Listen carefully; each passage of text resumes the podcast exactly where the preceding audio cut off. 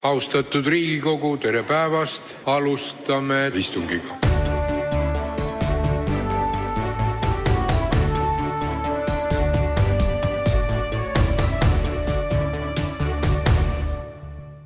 tere tulemast tagasi tuppa üle väikse pausi, aga lähme oma teemadega edasi, mis valimistele keskenduvad äh,. tänane külaline äh, räägib äh, äh, piltlikult öeldes natukene üle lävapakku, sest on eluaeg võidelnud äh, enda sõnul tagatubade kui selliste vastu, aga sellegipoolest on teda hästi kuulda. tere tulemast, Kristen Michal Reformierakonnast. tere ähm,. alustaks sellest, et, äh, et kuidas Reformierakonnal läheb ähm, tundub, et, et kui kaugelt vaadata, siis niimoodi väga natukene vaikselt. no ütleme, et seestpoolt jälle vaadates läheb päris tegusalt, et eh, võib-olla see selline piirkondades toimetamine ei paistagi nii kaugele, et ega valimiste eel on ju üldiselt ikkagi kaks-kolm-neli suuremat teemat, et noh, kui vaadata nüüd riiki, siis eh, võib-olla eelarvede ümber toimuv, eh, katuserahade ümber toimuv, ütleme Läti aktsiisirahade ümber toimuv ja ja võib-olla kogu see maksukaos, kaasa arvatud pensionäride kõrgem maksustamine on üks teravik, teine pool on võib-olla tänase valitsuse selline ühtse Venemaa meelsus, milles, milles neid on ju aastaid kritiseeritud ja, ja aeg-ajalt ikkagi mingites hääletustes see neil välja lööb. E, ja noh, ütleme ülejäänud töö ikkagi suur hulk tööst tehakse ära piirkondades, nii et e, võib-olla ka palju inimesi on juba tänaseks seal, ega see enne valimisi ongi üsna normaalne. no aga samas kui vaadata reitinguid, siis äh, see võiks ju parem olla, et kas seal ei peegeldu natuke seda, et, et võib-olla te piirkonnas, piirkondades küll käite ringi, aga, aga üldises pildis olete natukene vähem nähtav olnud äh, siin sel sügisel? no reitingutega on nii, nagu me enne leidsime, et Eestis võiks ilm ka soojem olla, et ma arvan, et selle poolt hääletaks praktiliselt kõik inimesed aga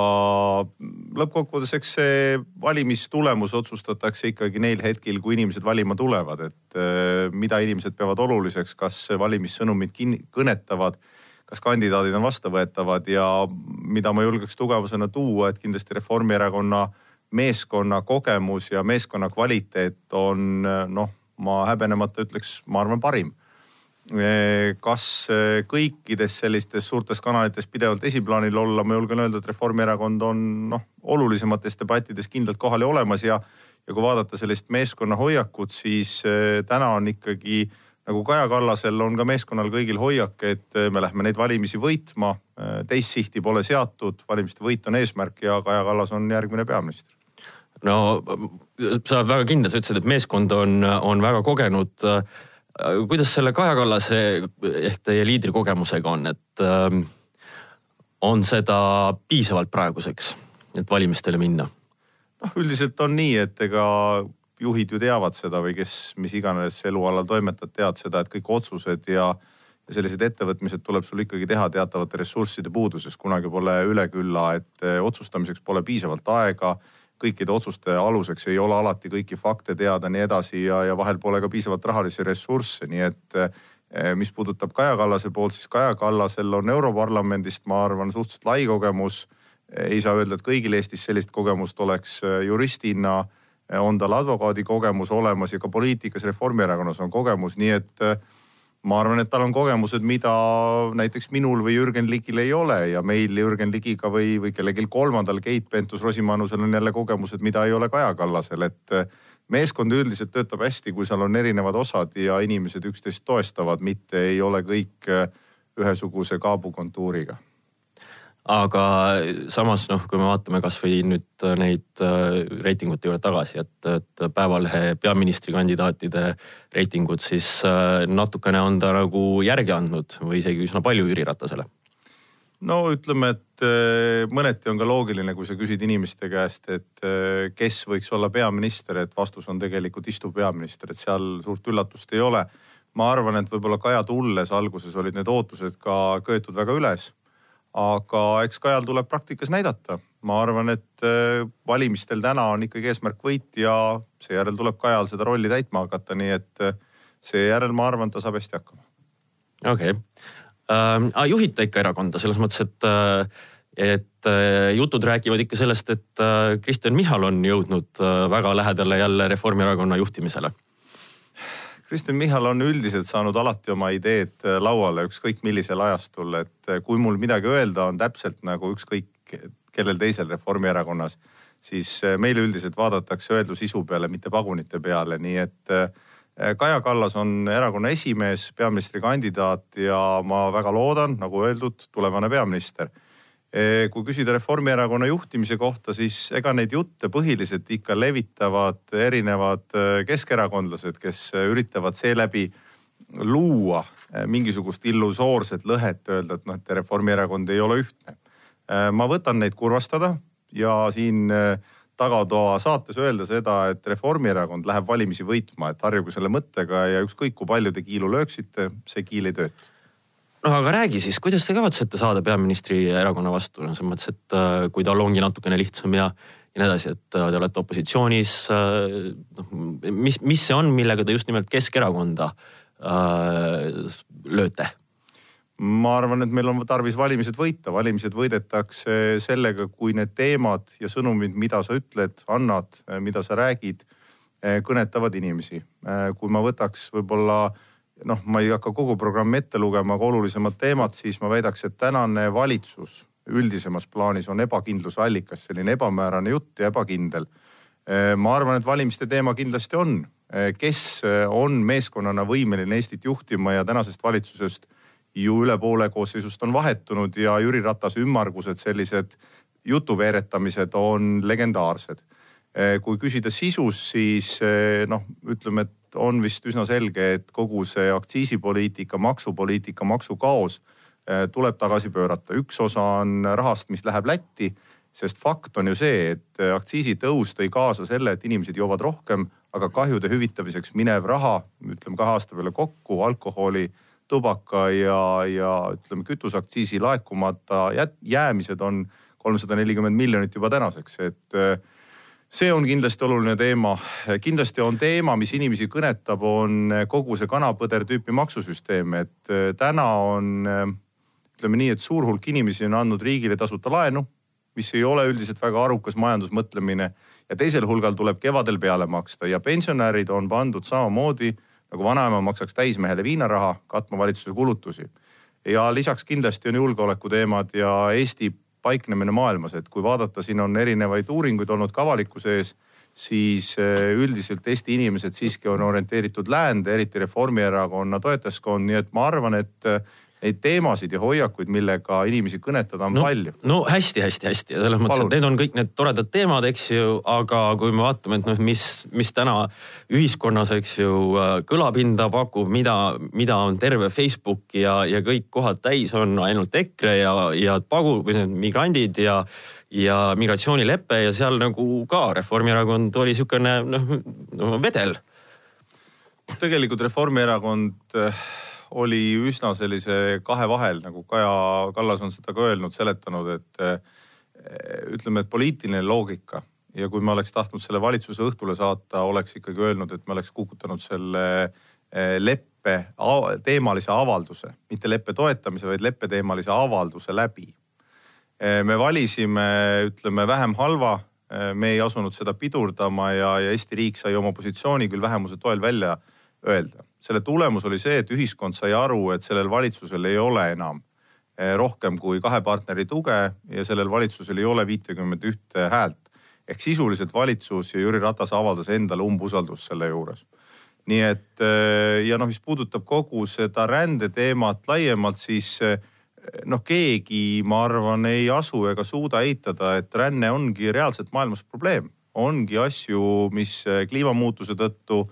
konfliktide tõttu, erinevate olukordade tõttu toovad kaasa rände. Eesti on täna selline transiitriik, mitte veel sihtriik. aga kindlasti selle teemaga tuleb tegeleda ja need põhimõtted, mis Eesti jaoks on olulised, on see, et Eesti on iseseisev otsustama, mida ta teeb selles valdkonnas.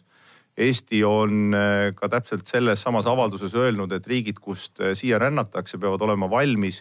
enda rändajaid tagasi võtma. Need on kõik üsnagi mõistlikud põhimõtted ja ja kui tulla korra inimeste hirmude juurde, siis ega need hirmud käivad ikka lainetena, et noh, me omal ajal mäletame ju, kui EKRE siin mõned aastad tagasi rääkis, kuidas siia tuleb sadu ja sadu pagulasi, noh tänaseks me võime öelda, et sellesama külma kliima ja eestlaste sooja pilgu alla on tulnud neid ikkagi üsna vähe ja tuleb ka tulevikus üsna vähe. Aga noh, sa ei karda, et kogu see nii-öelda, kui, kui see teema ketrab ja ketrab ja, ja nii edasi, eks ju, et, et see ei ole kasulik ei teile tegelikult ega ei Keskerakonnale ja, ja ma ei tea, EKRE näiteks korjab siin ennast valimistel, ma ei tea, teiseks?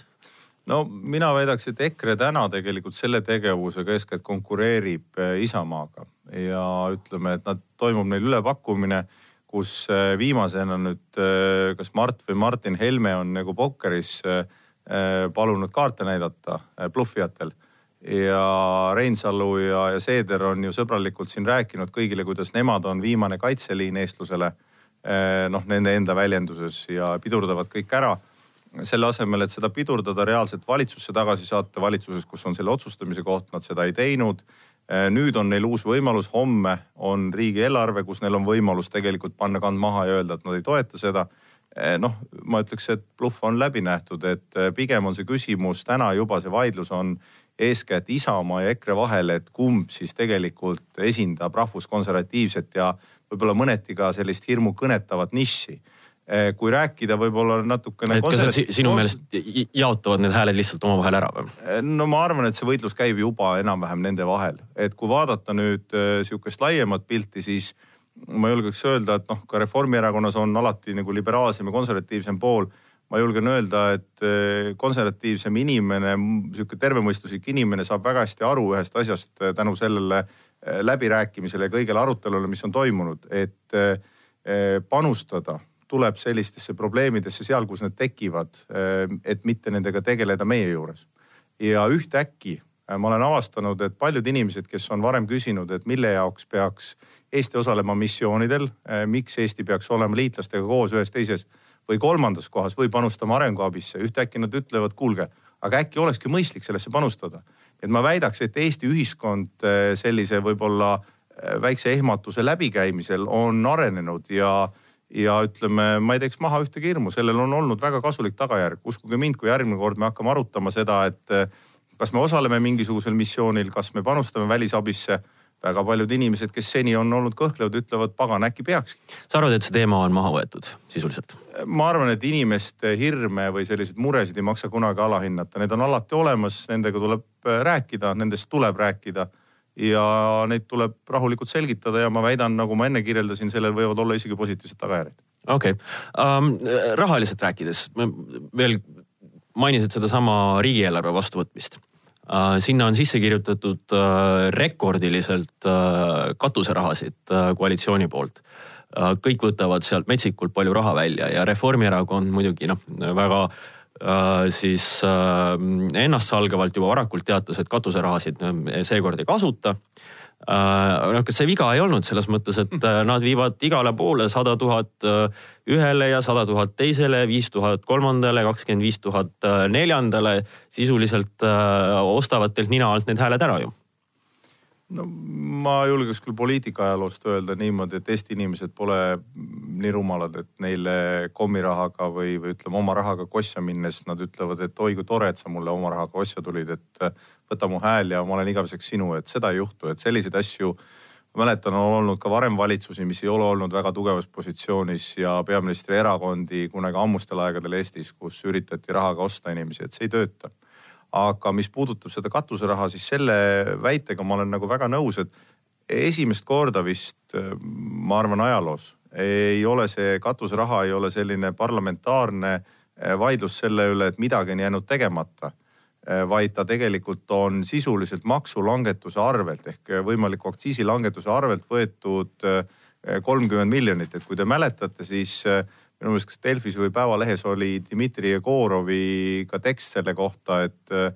valitsusel oli laual võimalus Läti aktsiisirallid tagasi keerata selle kolmekümne miljoni eest. valitsus ei suutnud otsustada.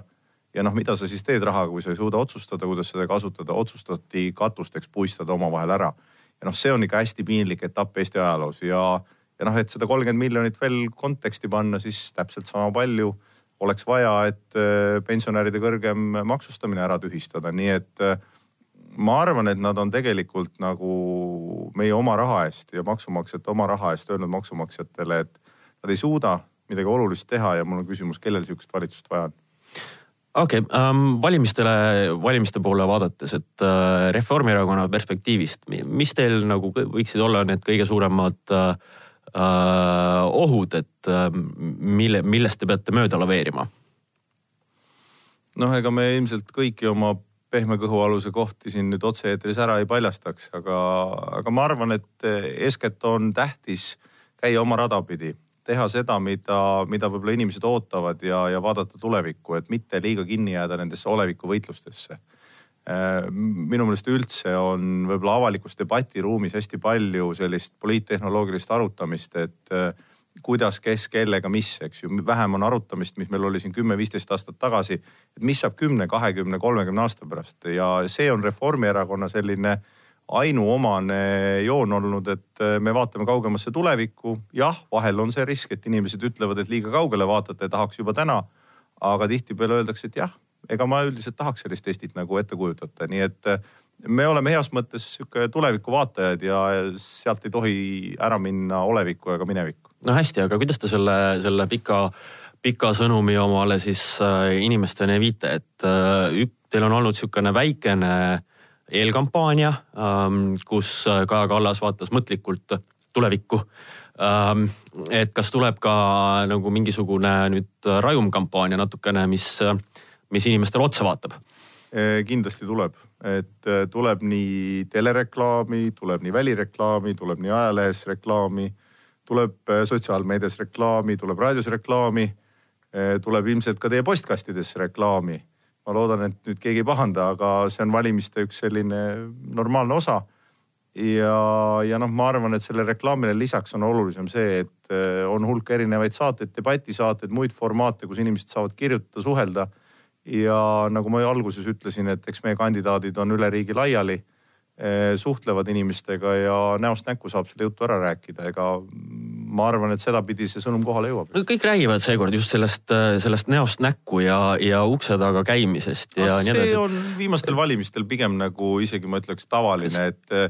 aga kas see on sellepärast, et teil pole raha, et kellelgi pole raha? ma arvan, et see on kõigil nii jah, ma arvan, et see on kuluefektiivsem ja ütleme nii, et kui sul on vähem raha, siis su jalad peavad selle võrra kiiremini käima, ega see on normaalne asjade käik, et äh, Keskerakonnal täna tuli uudis, kus nad on jälle riigile kakssada tuhat täiendavalt võlgu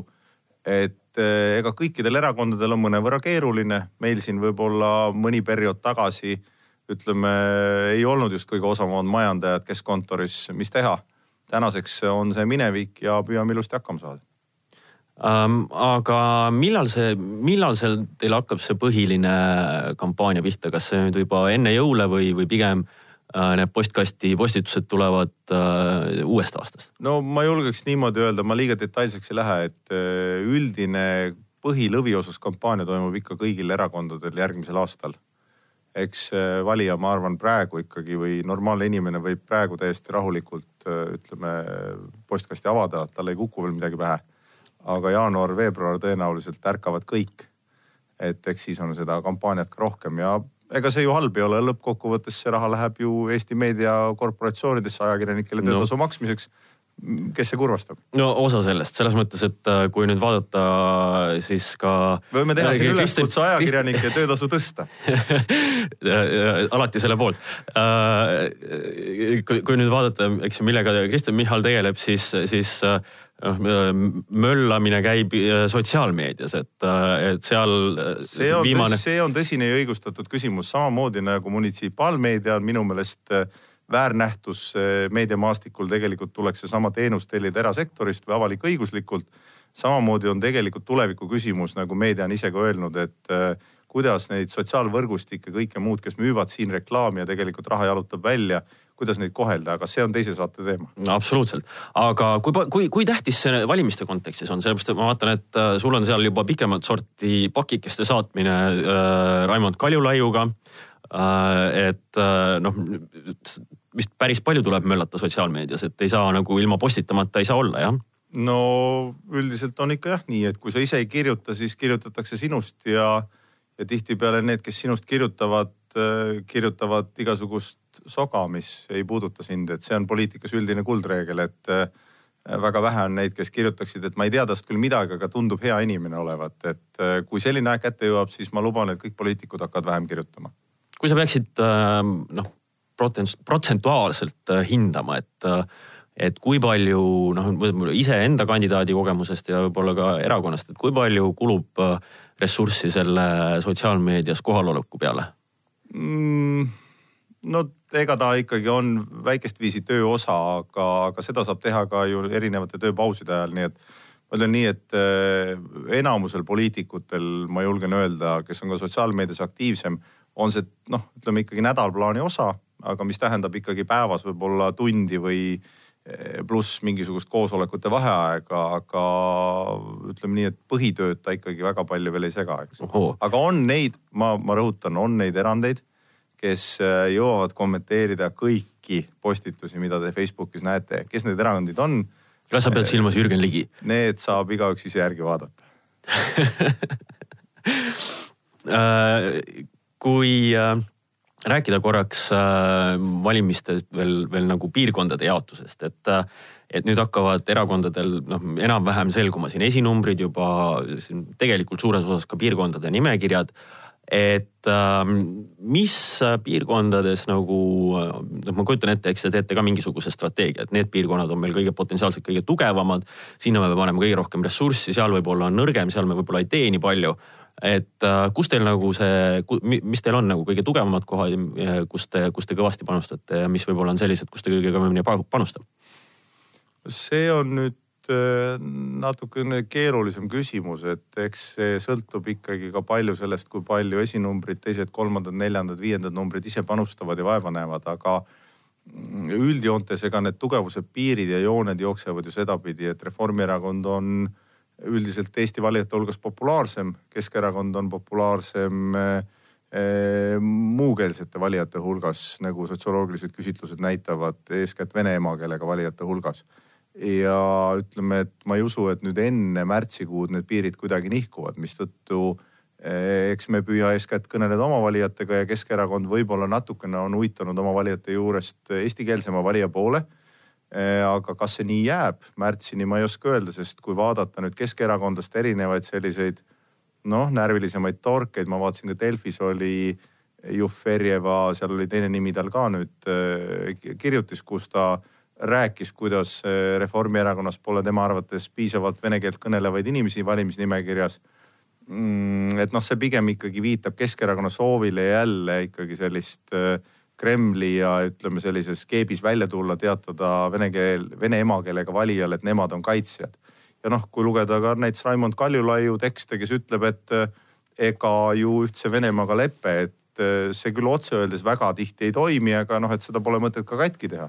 ja siis, kui me hakkame Ukraina toetuseks mingit hääletust korraldama, siis ootamatult on jälle kuus-seitse keskerakondlast kadunud niikuinii juhti ja, aga kas äh, seal Keskerakonnal ei või hoopis äh, pigem nagu see valitsuses olek äh, kahjuks tulla, et eks nad isegi teavad, et ega siis Eesti peaminister ei saa kunagi olla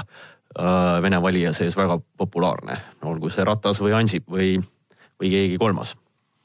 No nii ja naa, ma julgeks öelda, et Jüri Ratase suur ja ainulaadne eelis on see, et ta on vist ütleme, kuna Ekspress on seda teinud ja siin ma võin seda öelda, on maailma kõige ümaramate vastustega mees. Et seetõttu ilmselt on võib-olla ka tema valijatel raske, väga raske midagi konkreetset talle ette heita. kas te, kas te kavatsete siis teha Riigikogus selle boikoti äh, Ratase kõnetunnile? no meil oli see arutelu pooleli, et eks me arutame seda järgmisel nädalal edasi. no, noh, tunnistame, et kui te vaatate ka seesama, millele te viitasite, seesama minu sotsiaalmeedias, et kui sa küsid Jüri Ratase käest, et äh, palju on üks pluss üks, siis sealt tuleb vastus, et palju õnne teile sellel kaunil päeval. et äh, ma loodan, ma ei tee Jürile ülekohut, ma väidan, et ta üldiselt inimesena on täitsa sõbralik ja soe ja, ja üldiselt helistab inimestele ja soovib õnne aga, aga peaministrina no, hästi ebamäärane ja valitsuse poliitikate seletamisel, kaitsmisel ta ei ole olnud väga tõhus. Äh, kõik needsamad äh, maksuküsimused, kus Ossinovski jäi üksi, jäi hätta, asus IRL-i süüdistama. Äh, seesama rändeteema, kus välisminister ei teinud küll oma tööd, aga ka Ratas jättis ta külma kätte lõppkokkuvõttes, et Mikser jäi üksi. et noh, pigem ei ole olnud väga tugev peaminister okei okay. ähm,, hakkame asju kokku tõmbama, kaks viimast asja ähm,. Alustasid kohe sellest, et Kaja Kallas, et on järgmine peaminister ja lähete ikkagi valimisi võitma. aga kellega te teete, kellega, kellega te näete, et on võimalik üldse valitsust teha Reformierakonnal, sellepärast et kui nagu rääkida äh, noh, ma ei tea, Keskerakonna poliitikutega, sotsidega, noh, nii palju kui sellest IRL-ist järgi on või Isamaast, et, et siis. Isamaa on igavene, rõhutame siia vahele. Siis, siis noh, niisugust, ma, ma nimetan seda Reformierakonna vihaks, seda on ikka veel üsna palju, et,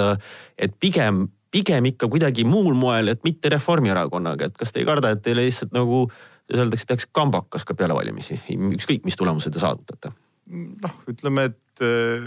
isegi kui me midagi sellist kardaks, siis äh, ega see ju ei sunni meid minema ühtegi teist teed pidi, kui püüda olla valimistel võimalikult edukas. mis tähendab seda, et eh, meie eesmärk on olla, olla valimistel võimalikult edukas ja pärast seda peale valimisi saab hinnata, millised koalitsioonid on võimalikud, sest noh, oleme siiski ausad, et ega see tänane valitsusliit, eh, ma nüüd tsiteerin eh, Sven Mikserit, kes on minu ringkonnas kaaskandidaat, ütles, et oleks valimistele pisut rohkem aega ega see valitsus enam ei töötaks koos, et see valitsus ei ole tegelikult töövõimeline. okei okay., kõikidelt külalistelt äh, viimase asjana küsin täna ja praegu äh, sinu ennustus äh,. mitu erakonda pääseb järgmisesse Riigikokku ja kes need on? ma ennustaks, et Reformierakond pääseb, obviously. Keskerakond, EKRE ja sotsiaaldemokraadid pääsevad, Isamaa pääseb ja ma arvan, et sinna see joon alla tuleb ka. Eesti kakssada jääb välja? Eesti kakssada noh, peab kõvasti pingutama jaanuaris-veebruaris, kui ta tahab seda liini ületada, sest neil on väga pikk tee käia, et ütleme, et saada reaalselt neid hääli. suur tänu tagatuppa tulemast, Kristjan Michal. palun